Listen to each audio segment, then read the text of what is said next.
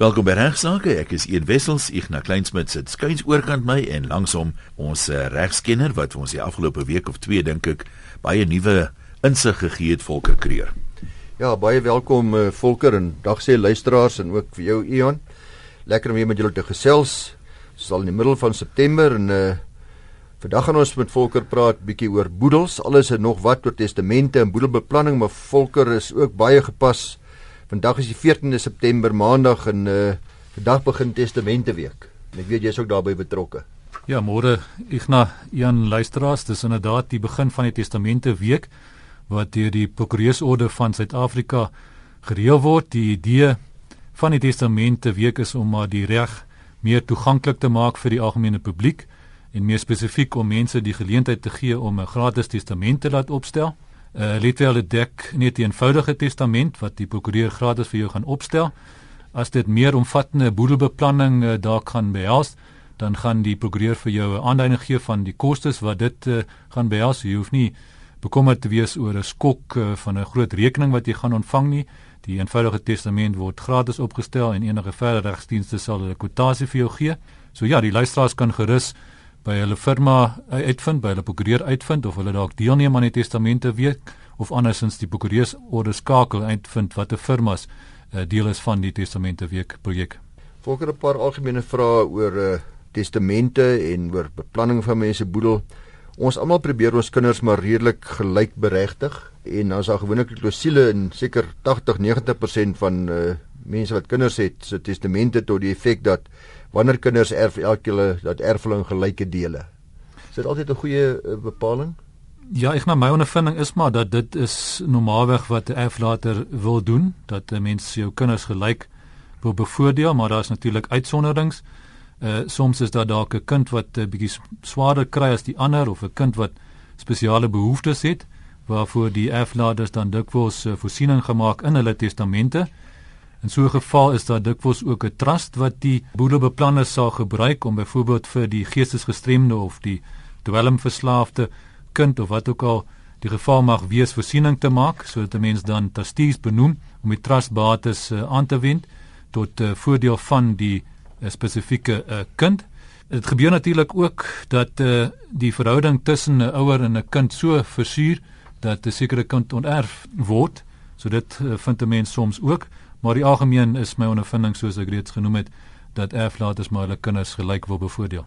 Jy sê nou dat daar sekere kinders wat swaar kry spesiale behoeftes het en dan verstaan mens dit maar daar's natuurlik ook kinders wat spesiale behoeftes het wat geld betref en wat gedurig by pa en ma leen en uh, nou kom jy later aan by afsterwe situasie kry waar jy vir een van jou kinders al uh, 500 000 gegee het terwyl die ander niks gekry het nie as gevolg van die ene wat net nie sy finansiële sake behoorlik kan hanteer nie. Wat is jou advies aan uh, aan aan uh, by 'n testament opstel aan 'n uh, ouer wat in daardie posisie is? Ja, is nogal belangrik om daardie lenings uh, as dit in die vorm van lenings gedoen word, behoorlik in ag te neem wanneer die testament opgestel word om te bepaal of dit inderdaad die bedoeling is van die erflater om daai lenings af te skryf.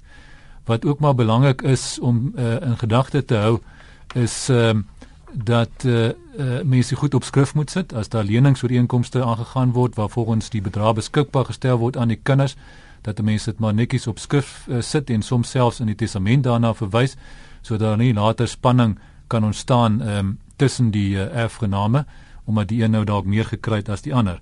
So ja, 'n uh, behoorlike beplanning, 'n uh, behoorlike gesprek met jou prokureur in die verband is nogal belangrik. Wat doen erflaters gewoonlik volker waar daar 'n man en kinders is of 'n vrou en kinders is wat gaan agterbly? Ja, ek nou waar die langslewende gade ook 'n ouer is van die kinders is my ondervinding dat die uh, erflaters normaalweg die langslewende as die enigste erfgenaam dan benoem in die testament. Die veronderstelling is natuurlik dat die langslewende as ouer van daardie kinders ook sal seker maak dat die kinders versorg is en dat die kinders weer by hulle gaan erf waar die langslewende gade dalk nie 'n ouer is van die kinders nie is die posisie dikwels anders um, in so 'n geval wil uh, boedelbeplanners dikwels maar seker maak dat dit daarom ook 'n deel van die bates of dalk al die bates by die kinders uitkom. So in so 'n geval gaan 'n mens dikwels byvoorbeeld met 'n trust werk en die langslewende en die kinders die beginsigte van die trust maak. Ander opsie is om bloot eenvoudig die bates tussen die langslewende en die kinders te verdeel. Byvoorbeeld te bepaal dat 50% van die bates na die langslewende gaan en die ander 50% na die kinders in gelyke dele. So ja, mens moet maar na elke boedelbeplanner se omstandighede kyk en uh, dan besluit wat die sinvolste is. Jy doen dan 'n verwys dat daar 'n trust gestig moet word wanneer kinders nog uh, minderjarig is of nog jonk is. Wie beveel jy altyd aan normaalweg om as trustees vir so 'n trust te dien? Ek nou dit kan enige persoon wees wat uh, die kliënt vertrou en wat die kliënt weet behoorlik na die sake van die trust sal kyk en uh, behoorlik vir die kinders sal sorg. Die ander belangrike besluit is natuurlik ook die benoeming van voogte. Die voogte hoef nie dieselfde te uh, persone te wees as die trustees nie. Die voogte is nou maar waar die kinders op dag tot dag basis gaan bly. Die voogte besluit waar die kinders uh, skool toe gaan en so meer. So dit kan dieselfde persone wees as die trustees, maar dit hoef nie te wees nie. Uh, dikwels besluit 'n uh, erflater dat 'n sekere persoon geskik gaan wees om uh, as voog op te tree. Daar gaan die kinders gelukkig bly en dan stel hulle iemand anders as trustee aan wat hulle weer glo uh, verantwoordelik die trustbates gaan bestuur en belê en gaan beskikbaar stel aan die kinders en die voogte soos wat hulle dit nodig het.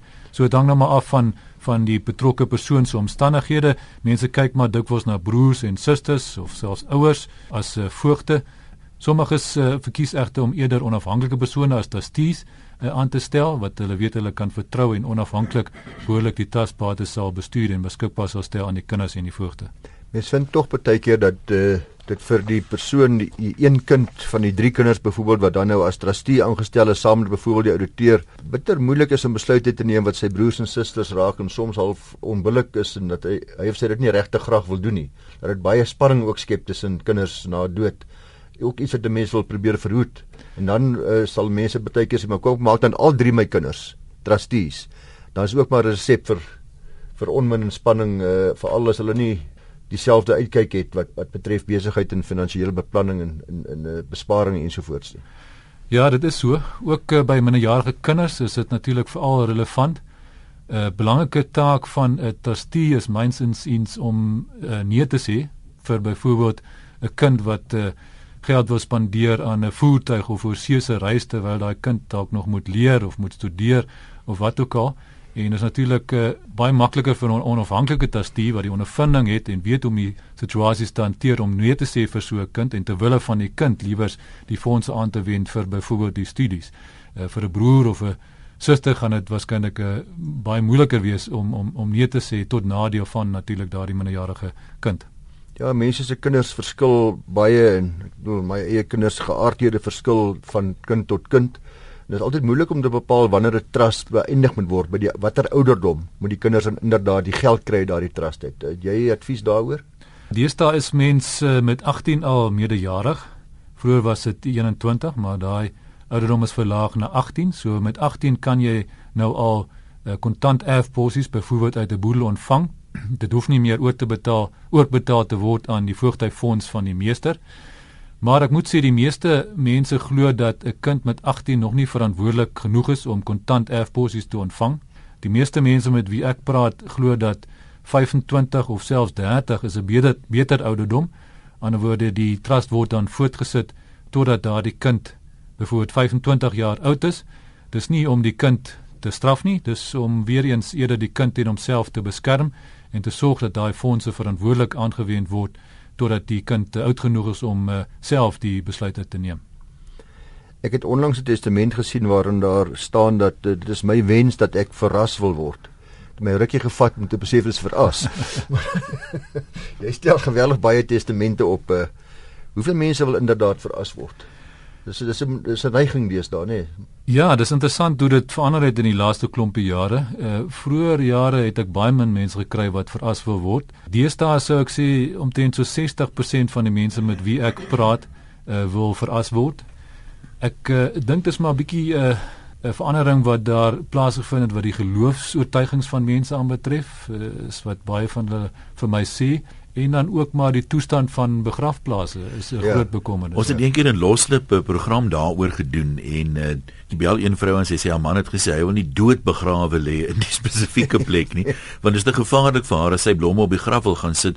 Die area waar die begrafplaas is was miskien 20, 30 jaar terug toe dit begin het als 100%, maar nou is dit nie meer in 'n lekker deel van die dorp nie en is eintlik 'n risiko of vir 'n vrou om alleen daar die afgeleë area te besoek. So dit raak 'n faktor. Ja, dis baie waar. Volker, uh ons het onlangs op hierdie program het ek wel gesels oor die Lewende Testament en daar's ook 'n kopie daarvan in in 'n afskrif in my boek agter as mense dit wil gaan na kyk. Maar dis ook 'n ding wat baie gewild geword het, nê. Nee. Dit is so baie algemene ding. Ek het self 'n Lewende Testament. Ek dink dit is sinneloos om deur masjiene aan die lewe gehou te word as jy brein dood is, as daar geen hoop hoegenaamd is uh, dat jy gaan herstel nie. En so 'n Lewende Testament maak natuurlik die besluit van die familie en die dokter makliker om dan liewers die masjiene af te skakel en kan natuurlik 'n klomp mediese kostes en trauma verhoed. Ek sou sê seker so 80% van die mense met wie ek gesels en vir wie ek testamente opstel, wil ook 'n lewende testament hê. So dis definitief 'n baie algemene ding deesdae. Net 'n praktiese vraag daaroor volker. Mense skryf nogal gereeld vir my ook daaroor. So 'n lewende testament, dit vorm nie deel van die dokument van jou regte testament nie. Is dit 'n aparte dokument of kan jy die twee inkorporeer? Jy kan dit inkorporeer, maar ons stel dit gewoonlik as twee afsonderlike dokumente op sodat jy byvoorbeeld daai lewende testament vir jou dokter kan gee of vir wie ook al jy dit wil uh, oorhandig. So uit praktiese oorwegings dink ja. ek is dit maar beter om twee afsonderlike dokumente te hê. Die gewone testament word eintlik maar eers oopgemaak gewoonlik nadat iemand oorlede is, 'n dag of twee daarna. Presies, dis die probleem. Dis reg ja. So dis natuurlik belangrik dat uh, mense ook maar weet van die lewende testament, jou naasbestaanes en jou familie sodat uh, dit gebruik kan word as dit nodig is. Volker wanneer ek 'n jong paartjie sien wat op trou staan en wat 'n huweliksvoorwaarde kontrak wil aangaan, sal ek dikwels ook met hulle testament bespreek en ek kan vaar jy doen dieselfde. En dan is die vraag ook eh, wat ek dink interessant sal wees uh, vir ons luisteraars is hoeveel mense deesdae inderdaad nog binne gemeenskap of goed trou en hoeveel of die aanwasbedeling maar die moderne neiging is. Ja baie min mense trou in my ondervinding deesdae binne gemeenskap van goedere. Ek dink vroeër jare was dit 'n baie meer algemene ding. Meeste mense trou deesdae buite gemeenskap van goedere. En dan is my ondervinding dat die meeste jong mense wat nou uh, begin en dalk nie veel in hulle boedel sover opgebou het met die aanwasbedeling trou terwyl ouer mense wat dalk al boedels opgebou het en uh, finansiëel onafhanklik van mekaar is en so meer gewoonlik sonder die aanwasbedeling trou. Maar is natuurlik elke persoon se reg om self te besluit wat gepas is uh, onder hulle uh, omstandighede, maar dit is oor die algemeen my indruk wat mense gewoonlik besluit om te doen. Hmm, die ouer mense is duidelik ook die wyser mense normaalweg. Hang maar af wie se boel vinniger ja. groei. Uh, Hang af wie die oordeel veel ook ja. dit.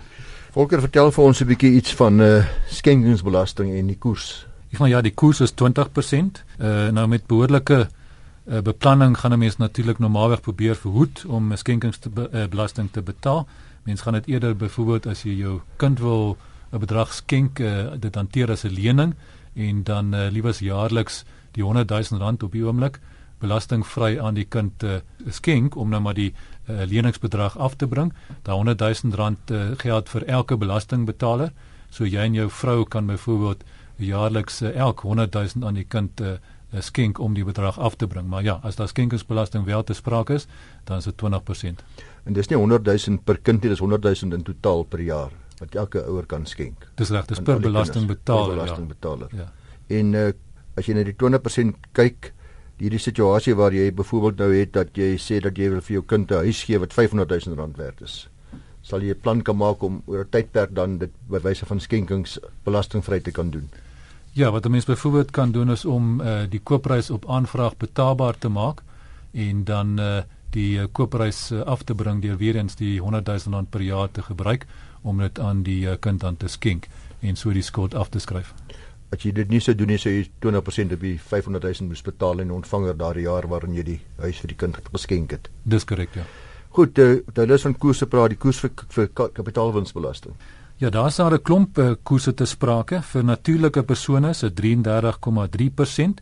Die koers word dan toegepas op die kapitaale wins wat gemaak word met 'n sekere transaksie en daardie bedrag word dan bygevoeg by die belastingbetaler se inkomste vir daardie jaar en dan word jy belas teen jou betrokke inkomstebelastingkoers. So as 'n mens dan nou op die maksimum op die oomblik van 41% is, dan is die effektiewe koers 13,65% van die kapitaale wins wat 'n mens dan uh, moet betaal. Daar is ook 'n vrystelling, nê. Nee. Ja, daar's daarom 'n 30000 rand uh, per jaar vrystelling wat uh, relevant is uh, wat uh, so 'n bietjie verligting bring. By maatskappye en uh, BKS is die koers heelwat hoër, 66,6%, maar die inkomstebelastingkoers vir maatskappye en BKS is natuurlik daarom bietjie laag, dis 28%. So dit gaan weer eens die 66,6% van die kapitaalwins wat gevoeg word by die maatskappy en BK of BK se inkomste vir daardie jaar en dan word dit belas teen 28%, so die maksimum effektiewe koers vir maatskappy en BK is 18,65% wat dan uh, daar toegepas gaan word.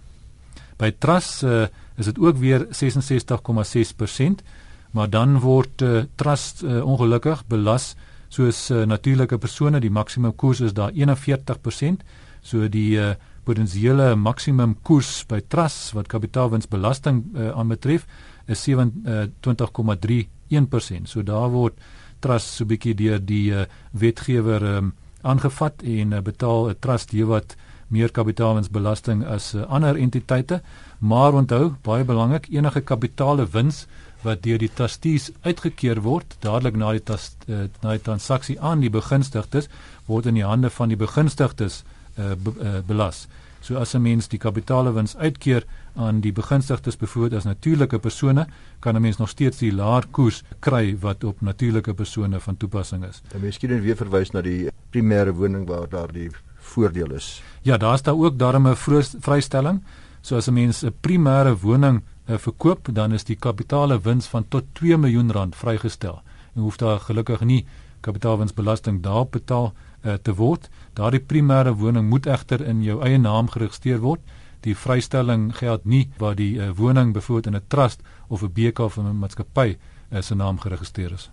Nee. Dan 'n belangrike vraag wat ek dink min mense eintlik besef, dis die kwessie van KWB, kapitaalwinsbelasting wat op afsterwe betaalbaar is. Ek verstaan dat ons die enigste land in die wêreld is waar daar kapitaalwinsbelasting en boedelbelasting betaalbaar is by iemand se afsterwe. So ja, ongelukkig is kapitaalwinsbelasting ook relevant waar iemand tot sterwe kom. Die beginsels is uh, baie dieselfde as waar iemand 'n uh, kapitale uh, bate tydens sy lewe sou van die hand sit. Gelukkig is die vrystelling egter bietjie hoër. Dit is uh, 300 000 rand per uh, jaar wat daar te sprake is, maar daar's nog steeds uh, potensieel dan kapitaalwinsbelasting betaalbaar waar die kapitaalwins dalk daardie bedrag uh, oorskry. En deesdae omdat 2001 al hoe meer in die verlede is, al hoe verder in die verlede is, dis toe kapitaalwinsbelasting in werking getree het, is uh, kapitaalwinsbelasting veral hoe meer boelos relevant en uh, raak dit te kopseer. So is definitief iets wat 'n mens maar in gedagte moet hou met uh, boelobeplanning. Iets wat vir baie mense onduidelik is en onverstaanbaar is, is die hele kwessie van boedelsamesmelting. Mense praat ons het 'n gesamentlike testament, maar verduidelik miskien net vir ons wanneer watter omstandighede moet mense eintlik boedelsamesmelting oorweeg? Boedelsamesmelting word dikwels as 'n meganisme oorweeg ten einde na afsterwe van die eersteherwende reeds 'n bate aan 'n kind of kinders alternatiefelik 'n trust vir die kind of kinders uh, te vererf waar pa wat nou binne gemeenskap van goedere getroud is byvoorbeeld saam met sy uh, seun sou boer en na sy afsterwe wil hê dat die seun reeds die plaas erf onderhewig aan byvoorbeeld 'n vrug gebruik ten gunste van sy vrou. Is 'n boedel samesmelting die enigste manier hoe dit uh, bewerkstellig kan word. Dit is egter belangrik om die skenkingsbelastingsimplikasies weer eens uh, hier in gedagte te hou. Uh, sover as wat die waarde van die vrug gebruik wat die vrou dan sou kry as sy die boedel samesmelting sou adieer met ander woorde sy aanvaar minder is as haar 50% belang in die gemeenskaplike boedel sal dit op 'n skenking neerkom wat vatbaar is vir skenkingsbelasting. Want onthou die langslewende gade gee nou eintlik haar 50% van die gemeenskaplike eiendom of van daai spesifieke bate wat in die gemeenskaplike eiendom is uh, gemeenskaplike boedel val prys. So dit kan dan potensieel deur die ontvanger as 'n 'n skenking uh, aan uh, beskou word. So dis nogal belangrik om daar behoorlike beplanning te doen, sommetjies te maak en behoorlike advies in te wen. Ek het dikwels dat uh vrouens bekommerd is veral as dit nie goed gaan in die huwelik nie oor of hulle dalk onterf gaan word. Uh want daar word ook baie keer gedreig met onterwing. En dan is daar natuurlik 'n meganisme wat help, dit is die wet op die onderhoud van die langslewende gade. Kan jy 'n bietjie vir ons meer daarvan vertel? Dit is net net verduidelik wat die effek daar van daardie wet is. Voordat die wet in die 90e jare in werking getree het, het die langslewende gade eintlik geen eis teen die bestorwe boedel vir onderhoud gehad nie Die veronderstelling was natuurlik gewees dat die langslewende gade in elk geval in gevolge die testament of die interstate erfreg genoeg sou erf om vir haarself te sorg. Nou, dit gebeur egter soms dat die langslewende gade nie genoeg erf nie om vir haar onderhoudvoorsiening te maak nie. Byvoorbeeld waar die oorledene ook kinders uit 'n vorige huwelik wil bevoordeel.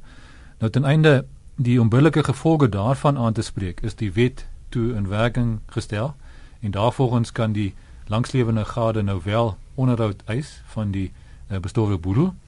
Die um, wet skryf dan ook die faktore voor wat in aanmerking geneem moet word om te bepaal of daar 'n eis is en ook die omvang daarvan. Nou een van die faktore is byvoorbeeld die langslewende uh, se eie middele. So ja, dit is nou maar gelukkig 'n wet wat uh, wat die langslewende gade help om onderhoud te kan eis van die bestorwe boedel. Dit is net belangrik vir ons luisteraars uh, is om kennis daarvan te neem dat hierdie wet op die langslewende op onderhoud van die langslewende gade nie van toepassing is op 'n geskeide gade nie. In die geval van 'n persoon wat geskei is, gaan daarby afsterwe gekyk word na wat die terme is van die eskeringsooreeenkoms.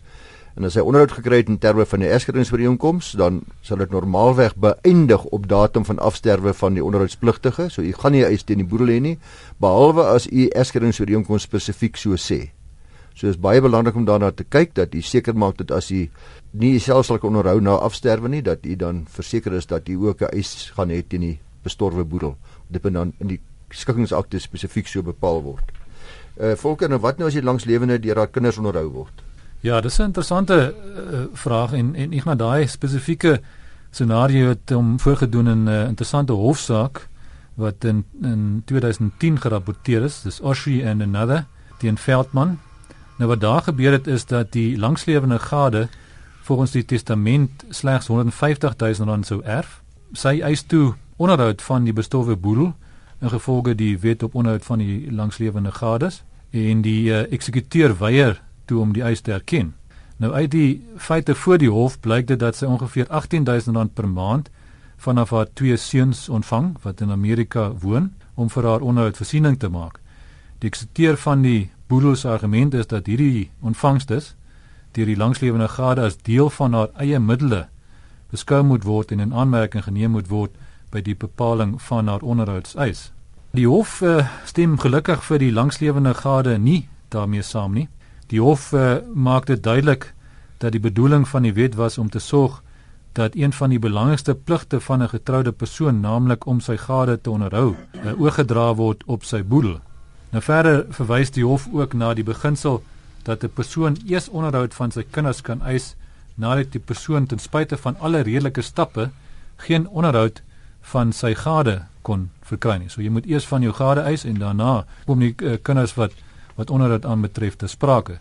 So die hof ontleed die bepalinge van die wet en kom tot die slotsom dat die eie middele waarna in die wet verwys word nie skenkings insluit nie. So die hof beslis dus dat die bedrag wat die langslewende gade van haar twee seuns ontvang nie in aanmerking geneem moet word nie en bevestig daarmee die beginsel dat ex gratia betalings nie 'n eiser in gevolge die wet op onderhoud van lang, langsewende gades kan benadeel nie. Ek dis dalk goeie nuus vir baie luisteraars daai. Ja. Dis alwaar ons gaan tyd hê vandag. Ek wil net weer vinnig sê die program se doel is nie persoonlike regsadvies eh, van Ignas se kant af nie en as jy 'n prokureur soek om namens jou op te tree, mense te dagvaar, wat ook al te doen, uh, dis nie die doel van die program nie. Ons gebruik jou voorbeelde en jou regsprobleme om oor die algemeen te gesels, mense te verduidelik hoe dit te werk en die publiek te probeer opvoed. Maar as jy 'n voorstel het of jy wil jou scenario vir Ignas stuur vir toekomstige bespreking, dan kan jy so maak Ignas by ffd.co.za. Ignas sê vir jou baie dankie Volker, dankie dat jy weer kom kuier het. Hoop ons gaan gou weer so maak. Ja, dankie, dankie Jan.